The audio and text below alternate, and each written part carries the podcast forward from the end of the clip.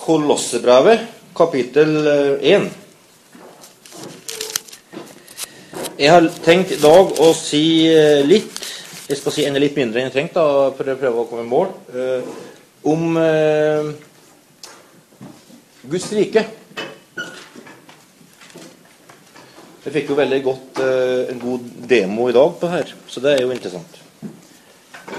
Der altså står det følgende i Kolossebrevet kapittel 1 og i vers eh,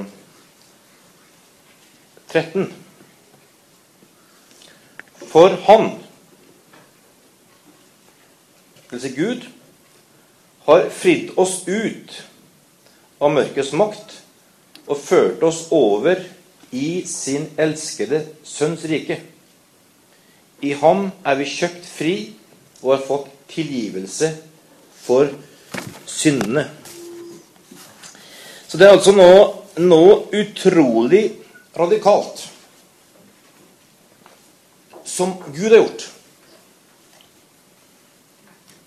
Så med en gang du kommer inn i eh, Bibelen, så bruker Bibelen veldig mye energi på å snakke om hva Gud har gjort. Ikke hva du skal gjøre. Men hvem han er, ikke på hvor dårlig stell det er med det. Og eh, hvor mektig han er.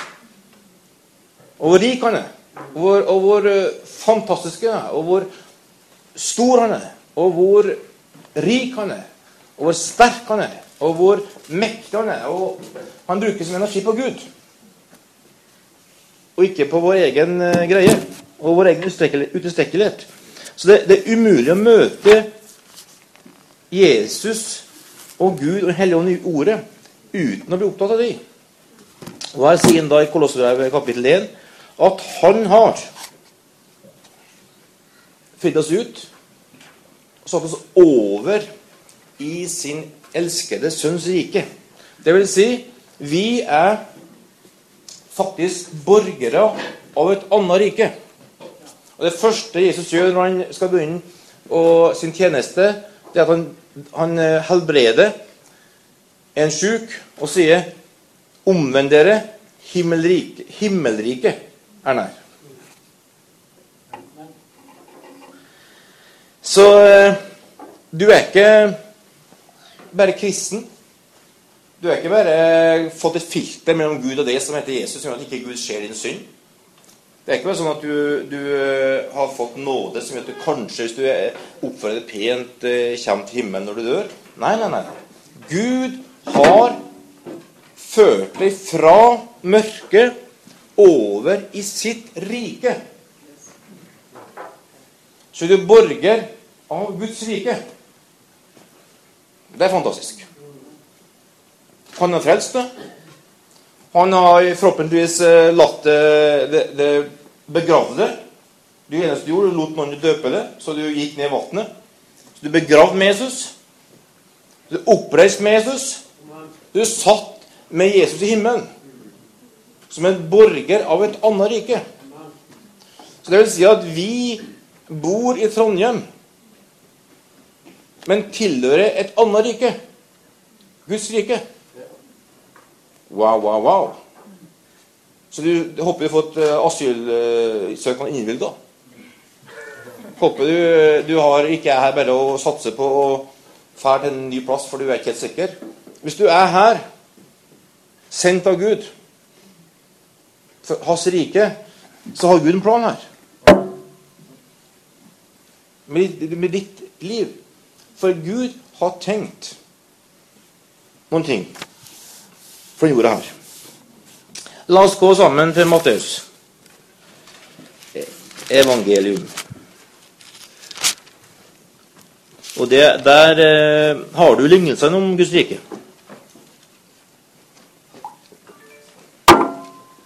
Og der har du veldig mange spennende ting nå. Vi har ikke tid til å gå inn på alt. Men eh, det som i hvert fall står her, da, det er en lignelse først om en såmann som da sår. Mattias 13. Kapittel 13. Så Hele kapittelet er det 52 vers. Det er ganske stort. Der handler om Guds rike. Men vi skal bare ta opp noen enkle ting der. Eh, Det første da, den såmannslignelsen, eh, som da eh, er der. Og så, så står det da at at såmannen sår. Og så står det at når da noen hører Guds ord, så får du en kamp, for det første, imot mot mørkets makter. Fordi at noe som blir sådd, og så kommer den onde og stjeler. Og så kommer nå å bli ødelagt av andre ting. Så du kan bli ødelagt av eh, Nå er vi altså ifra vers eh, nummer 18. Det, du kan bli ødelagt av eh, rikdom, av motgang og av bekymringer. Alle de tingene der kan ødelegge. Men, står det det, De som tar imot dette riket, de bærer enten 30, 60 eller 100 fold. Wow. Det vil si at eh, hvis vi som er her i dag, kan du si bærer eh, 60 fold 60 ganger der vi er her, da kan du si at eh, vi berører ca. 3000-4000 mennesker i byen. så er ikke de alene som tilhører Guds rike i Trondheim. Tenk på det. Gud har sånn tro på sitt ord, på sitt liv, at du og jeg kan bringe en frukt på hundrefold til Gud. Ikke med fokusere på det, sjøl. Ikke fokusere på din egen skrøpelighet og din egen svakhet eller din egen styrke, men han er mektig. Han er stor. Og så sier han da i vers, eh, i vers eh, 31 i samme kapittel i Matteus 13 at eh, der har du lignelsen om, sennesfrøet. Og så har du i kapittel eh, 13 vers 33 lignelsen om surdeigen. Og den skal vi lese. Den er veldig enkel. Det er ett et vers. Enda en lignelse fortalte han dem. Himmelriket Nå skriver skrive Guds rike, men der står det himmelriket, da. Er likt en surdeig som en kvinne tok inn og la i tre mål mel. Så det hele til slutt var gjennomsyret. Det vil si altså at, eh, at du og jeg representerer en surdeig. Og surdeigen har den evnen til å påvirke alt rundt seg.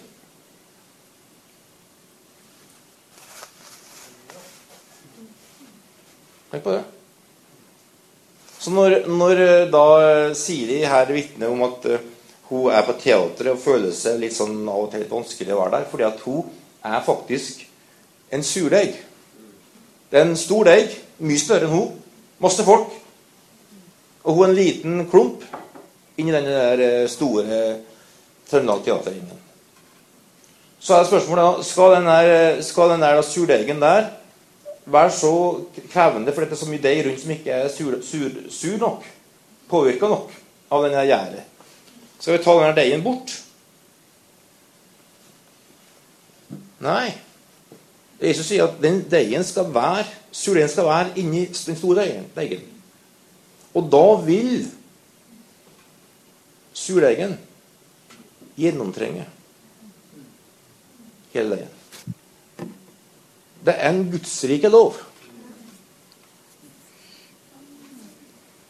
Det er noen guddommelige ting der som er, som er viktig å skjønne. Det vil si at vi skal ikke være på sida. Vi skal være midt oppi. Vi skal ikke være langt unna. Vi skal være midt i. Vi skal være i verden, men ikke av verden. Altså Vi skal være surdeig i en deig. Og ikke være en deig i en deig. Da er vi av. I Vi skal være midt oppi det, men surdeig. Det vil si at det er noe, et liv her inne som er sterkere enn livet der ute. Og det er det som da hele budskapet de har faktisk skjønne at det beste vi kan gjøre, det er å bruke tida på det livet Gud har gitt oss, kontra å bruke tida på oss sjøl og på våre egne greier og hva vi ikke kan og får til og mislykkes med og alt det der. Jesus prøver å si du har kommet inn i et nytt rike. Bruk tid på å bli kjent med kongen i det riket. For han er stor. Han er mektig. Han er rik. Han er fantastisk. Det er en stor Gud. Og, og da er vi da, eh, som en sånn menighet her i Trondheim, en liten surdeig. Men vi kan bety en utrolig forskjell.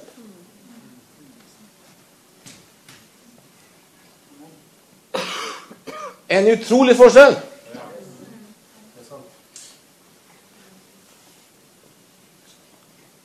Det er bare at vi trenger å tenke som Guds rike. Og skjønne Guds rike. Ta et eksempel i stad med det som Elisabeth, Elisabeth delte. Sant? Det er for meg et kjempegodt eksempel. Der vi hører skikkelig gode, sterke nyheter. Som kan få enhver til å bare hoppe på bordet og danse. Men fordi at den trønderske, trauste kulturen kryper inn bak døra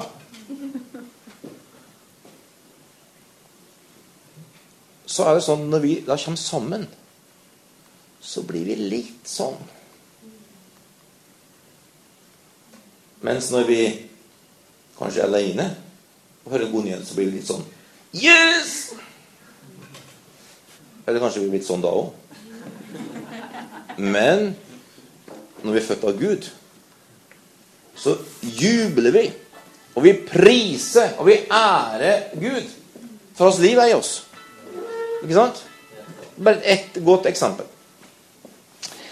Så, så, faktisk er det slik, da, at, uh, at uh, den måten vi da uh, får tak i det her livet på Det er mange måter. Jeg skal prøve å være kjapp på det. Det var utrolig hvor fort jeg gikk i dag. Eh, men eh, la oss, la oss eh, gå til Romerne, kapittel 14. Fordi at det her er et rike. Det vil si det er, det er borgere i en familie. Ok? Så du er ikke født inn i et rike som en fremmed alene i verden. Du er kommet inn i et rike med, med mange andre. Et gudsrike. Og et, og et rike består av mange borgere. Og så, så, står det noe veldig spennende i kapittel 14 og 15 da, i Romerne, som vi skal ta veldig kjapt. Hvis dere, er, hvis dere er klar for noe kjapp lesning her. Er dere det? Så vi klarer det på åtte minutter. Jeg har ni på, på punkter, så det er altså knapt et minutt per punkt her. Og da hm? Stå bak. Så det vil si at, at eh, for at Utgangspunktet mitt det er veldig enkelt at Gud sier dere er borgere av et nytt rike. Dere har ett bud. Elsk hverandre. Og vær ett slik jeg har vært. Jeg, er far ett. Og Da tror da Jesus, som er kongen i det riket her, at måten vi er sammen på, og måten vi fungerer sammen på, viser noe Guds rike. Som gjør at det her 100 folda Jeg er ganske fornøyd med 60 folda, jeg, da. Til og med 30 folda er ok. Kan komme til uttrykk. Så enkel og naiv er Så la oss da se litt på det her. Eh, kapittel 14 i, vers, eh, i Romerne 14, ja. Kapittel 14 og vers 1. Første er fra vers 1. Ta imot den som er svak i troen, uten å gjøre det til dommer over hans tanker. Han har, en, har to, eh, en har en tro som tillater ham å spise alt. Den svake spiser bare grønnsaker. Den som spiser, skal ikke se ned på den som ikke gjør det. Punkt 1. Døm ikke andre mennesker. Still ikke over og se ned på. Vi har én konge, Kristus. Vi er alle borgere av det riket. Det vil si, Det gjensidige, horisontale relasjoner i Guds rike. Den tro du har, lev den troa ut. God demonstrasjon her i dag. Siri går og drikker øl på Brukbar med folka på teatret. Vår tro for det. Leve den kulturen der. Noen har ikke tro for å ta seg en, en, glass øl. Men lev ut den tro du har. Ikke stille over og dømme ned, men si 'Jeg holder til min tro', de holder til sin tro, men det er Herren som er konge. Det er første punktet. Kjapp. Eh, kapittel to Nei, vers Nei. Punkt nummer to. Eh, det, eh, det, kan vi bare ta eh, fra vers eh, fem. En gjør forskjell på dager, en annen holder alle dager for like. La enhver være fullt overbevist om sitt syn. Den som legger vekt på bestemte dager, gjør det for Herren. Den som spiser, gjør det for Herren, for han takker Gud. Og den som ikke spiser, gjør det for Herren, takker Gud. Det vil si Du skal ikke ha håndtak i ryggen av menneskelig krav forventninger. Gjør sånn, gjør sånn, ikke sånn, gjør sånn og sånn og sånn. Nei, gjør alt du gjør for Herren. Hvis du vil drikke, en, drikke et halvliter pils, gjør det for Gud. Hvis du vil drikke et glass vann, gjør det for Gud. Hvis du tror på å feire jul med juletre og full fart og ribbefett så det renner ut overalt, gjør det for Gud. Hvis du vil bruke jula til å slanke det med grønnsaker og, og, og kylling, gjør det for Gud. Gjør alt for Gud. Så du ser her, altså, det er, det er folk Jesus sier 'elsk hverandre'. Men det er veldig lite sånn ja, for jeg gjør sånn som du gjør sånn, og jeg bestemmer her, for det er jeg som er sjefen, så du bare følger med. Nei, gjør det for Gud. Det er han som er sjefen. Gjør det du gjør i tro til Gud. Ikke døm andre. Tredje eh, der, der, slår denne poenget enda sterkere fast. Men du, hvordan dømmer du din bror? Eller hvorfor ser du ned på din bror? Vi skal alle framfor Kristi domstol. Og vers 12 så skal altså hver enkelt av oss avlegge regnskap for Gud. Så, så det er en forståelse her av at, at vi står ansvarlig for vårt eget liv. Først og fremst.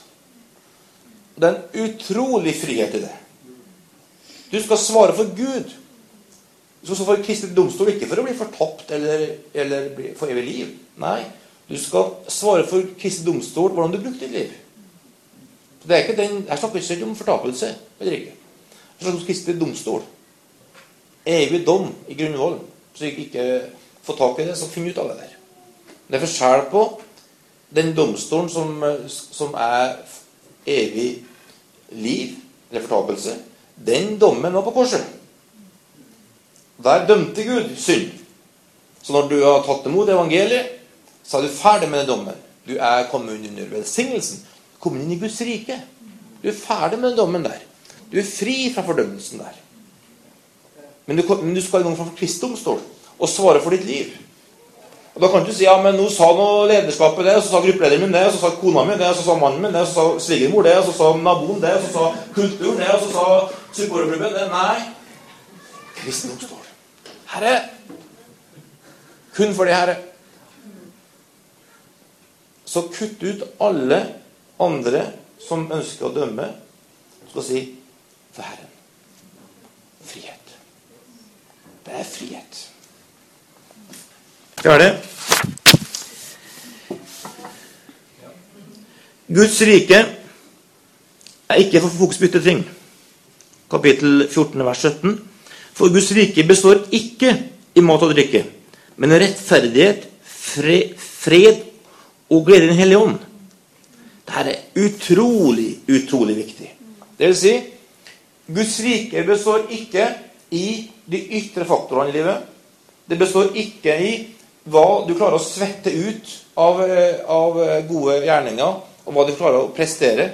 Mat og drikke er, er, som står her, det er uttrykk for alt ytre Uttrykk for alt du klarer å produsere, alt du klarer å svette gjennom for å få gjort her i livet. Det er ikke Guds rike.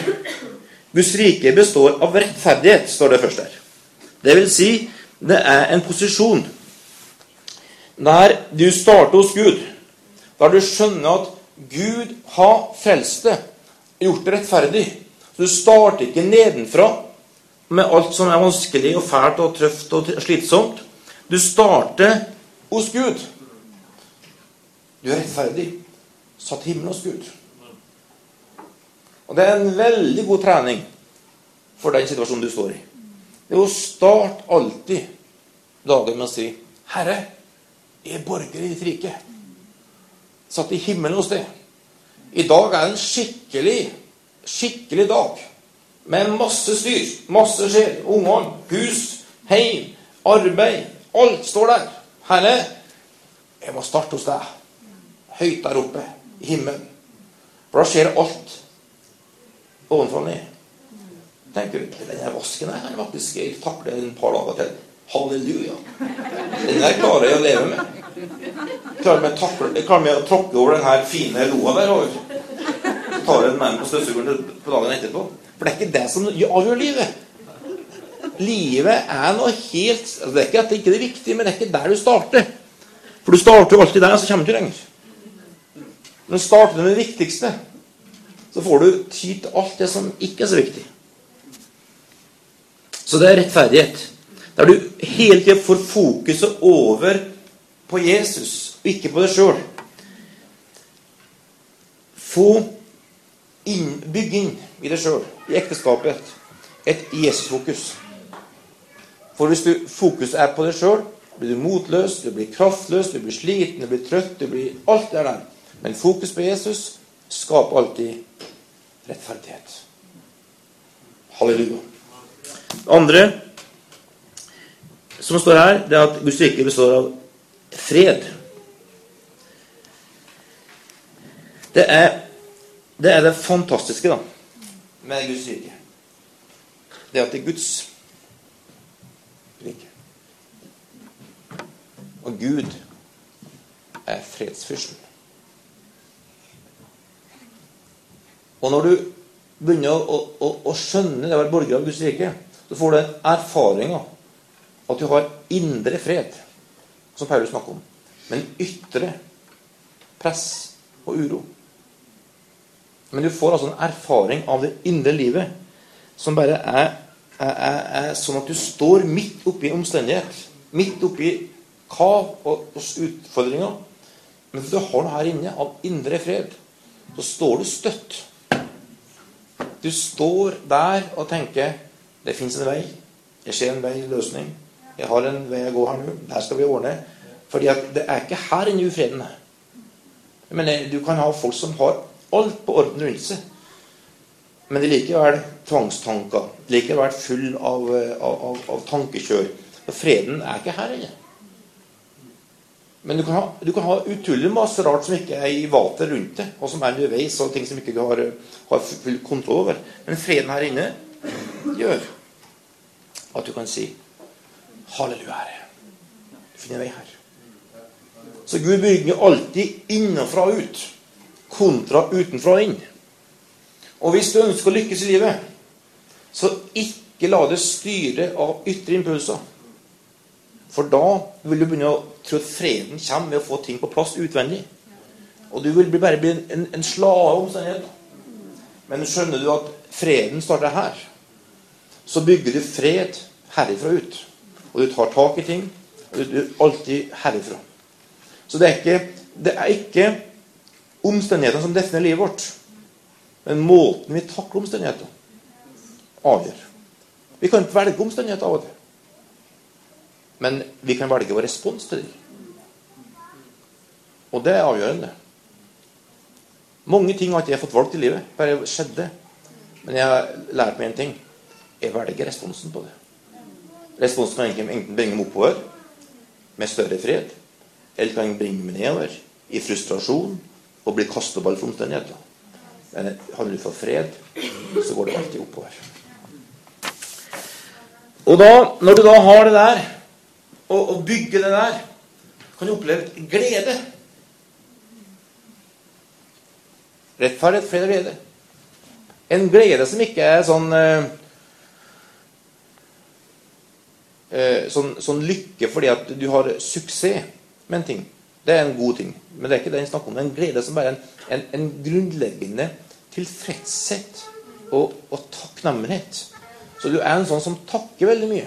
Du bare tenker Takk Gud, altså! Takk, ting som du bare tar som selvfølge. Men som du merker de som har vært gjennom en skikkelig sjau i livet, sier Hva har skjedd med livet? Jo, jeg begynner å takke for selvfølgeligheter. Som er før to som gitt.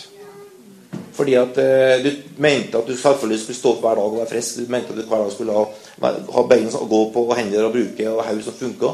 Plutselig oppdaga at det var ikke sånn. Så begynner du å tenke på at ting som bare er sånn selvfølgelig for oss, blir noe vi kan takke for. Det kommer en sånn grunnleggende glede herifra som, er, som gjør at du får en, en frigjøring. Og, og det her Guds rike i rettferdighet glede, som fyller oss her inne skape en, et utrolig overskudd i hverdagen. Fordi at det fins ingenting mer slitsomt i livet enn kaos på innsida. Det, det, er veldig få i Norge da som blir sliten av fysisk arbeid. Det var for, for 70 år siden. Så måtte du preke om det. Folk jobba hardt i skogen, ute og sleit helsa også. Men folk i Norge er ikke mindre slitne enn de var for 50 år siden. Enn 70 år siden. For slitenhet har ikke å gjøre med de tingene. Det har med at man lar ytre ting styre. Jeg mener, jeg har opplevd en sånne lange runder med meg sjøl. Interne dialoger. Diskutere det med sjøl. På den ene side, på den andre side. Gjør sånn, så skjer det. Gjør, gjør sånn, så skjer det. Man bruker bruke timevis å diskutere med meg sjøl. Resultatet blir sliten. Men handler det ut ifra rettferdighet, fred og glede, så får du overskudd og energi frigjort fra Gud. Jeg har tid til å Oi, oi klokka fem minutter. Jeg har tid til det, så gå inn på det. Så det, vi skal stoppe der. Um, skal vi ta kjapt de andre tinga? Eller skal vi stoppe? Fem minutter? Ehm, vers 18. Eh, det som tjener Kristus på denne måten, er til lede for Gud og blir respektert av mennesker. Tjen Kristus. Tjen gjerne folk, for all del, men du gjør det fordi du tjener Kristus. Sørg for at den vertikale biten i korset er sterkere enn hennes horisontale. Hvis ikke, sterk, hvis ikke, det livet med Jesus er sterkere enn alt rundt det, så blir du utrolig shaky. Et kors der den horisontale stolpen er bredere og sterkere enn den vertikale, er en kasteball for alt. Men den vertikale, livet med Gud, vissheten om hvem du er Kristus, bønnelivet, Guds nærvær Du pleier relasjonen med Jesus, styrker det på den måten der. Du tjener Gud. Da kan du tjene folk. Men det er Gud som er sterke. Sjette, det er eh, vers 19. Så la oss strebe etter det som tjener til fred, og til å bygge opp fellesskapet. Det fantastiske det er faktisk det at når du begynner å leve på den måten der, så blir du en sånn som bygger opp. Du blir en sånn oppbygger. Sånn som Elisabeth demonstrerte i dag. Hun kom her og delte vitnesbyrd som bygde meg opp. Og det fine da, det er at da trigges det noen ting hos de andre som gjør at Håvard kom. Det er vitnesbyrd, for det trigges noe. Jeg tenker, ja, det her var godt, jeg har noe godt, det ja. Og så kommer Katrine med vitnesbyrd. Og så tenker du Hæ, Gud har faktisk ikke tatt kveld. Nå er ikke søndagsfri. Han lever, han er i godt humør, han virker. Halleluja. Den ene bygger opp, og den andre bygger opp, og den tredje bygger opp. Så, så det er noe med det her du, du, du, blir ja, Hva tenker du? Hva skal jeg si? Du bare er der. Bygg opp! Punkt 7, eh, det er vers 23. Men den som spiser med tvil, er dømt fordi det ikke skjer i tro. Alt som ikke skjer i tro, er synd. Wow! Den er, den er skikkelig spiker. Det vil si, du har ett ansvar. Handle i tro. Det fins ikke noe verre enn å gi etter gruppepress. Enten det er et gruppepress i en klasse eller en kristen gruppepress. Det er akkurat samme dynamikken. Du skal ikke gi etter for gruppepress i en kristen setning. Eller. Du skal leve i tro. Du har ikke tro for det her. Det er mange ting jeg ikke har tro for, som andre kristne har tro for.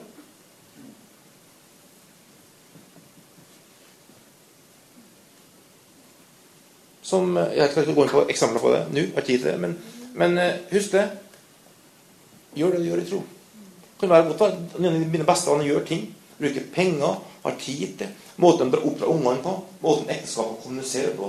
Måten de løser konflikter på. Som ikke har med rett og galt å gjøre. Snakker ikke om det nå. Bare på en annen måte. Si, jeg har ikke tro for det. Nei, du er fri. Står sammen. Fellesskap. Men hvis du gir rett Ja, de gjør det sånn, da må vi gjøre sånn òg. Kommer under det her klamme, sjuke åket som Gud ønsker å være fri fra. Gjør ting i tro. Det er to ting som er nøkkelen. Tro, god samvittighet. God samvittighet og tro. Da flyter livet. Overskudd. Åtte. Vi som er sterke, må sørge for å bli enda sterkere, slik at vi kan bli enda sterkere og klare oss uten andre. Nei. Vi som er sterke, må bære de svakes svakheter og ikke tenke på oss selv. Det vil si styrke er mangel på sjølfokus. Wow, wow, wow. Skal jeg si noe mer om det? Nest siste, vers 7. Ta derfor imot hverandre, slik Kristus har tatt imot dere, til Guds ære. Det vil si begynne å se Jesus i hverandre. Ta utgangspunkt i Jesus i hverandre. Og da er det enkelt å ta imot og si hei. Vi skal jo i Trondheim sammen. Og til slutt, i kapittel 15, vers 13, må håpets Gud fylle dere med all glede og fred i troen, så dere kan bli rike, med, rike på håp ved Den hellige ånds kraft. Det vil si Den hellige ånds kraft er veldig praktisk i å leve sammen. Der vi kan få lov til å leve sammen i glede og fred og med håp sammen. Kan du finne noen, og så legg hendene på noen ved siden av deg. Bare Så tar vi enkel bønn her til slutt. I, I, forhold til kapittel 15 og vers 13. Tenk skulle bruke tid sammen og be til Gud sammen i dag, men vi kan gjøre det etterpå for den som ønsker det. Med håndsforleggelse. Eller så. Men her står det altså med håpets Gud fyll dere med all glede og fred i troen. Herre, nå bare ber vi om det. Herre, du, du, kjenner hver enkelt av oss. Du kjenner det livet vi Herre, har, og vi vil takke deg, Herre, for at du har født oss på ny. Gjort oss til borgere av ditt rike. Takk at det borgerskapet ikke har med hva vi har lyktes med sjøl. Det har kun å gjøre med hvem du er, Herre. For det er du som har frelst oss og ført oss over i ditt rike. Et rike i lys. Et rike i fred, rettferdighet og glede. For nå bare ber vi om at din glede og din fred skal få lov til å bo med håp i hjertet vårt. Helligånd, kom akkurat nå, og, og la den krafta fra deg, Helligånd, som ikke er en diffus greie, men som er veldig praktisk En veldig praktisk kraft, her. få lov til å komme over hver enkelt som er. Herre, vi takker for at du er mektig, du er god, og jeg ber om at vi skal få leve sånn, sammen, hver enkelt som er her. At alle i løpet av uka har noen som kan legge hendene på dem og be for dem. Med styrke, med kraft, med glede, med fred, Herre. For la all uro, la all usikkerhet, la alle all tanker som prøver å dra folk ned, slippe taket, Herre. Og la din fred, din rettferdighet, din glede få til å fylle oss hver enkelt. Slik at vi kan få til å se andre rundt oss og slippe taket på oss sjøl, Herre. Far, det bare ber jeg om i Jesu Kristi navn. Takk, Gud, for din miskunn. Takk for din nåde. Amen. Amen.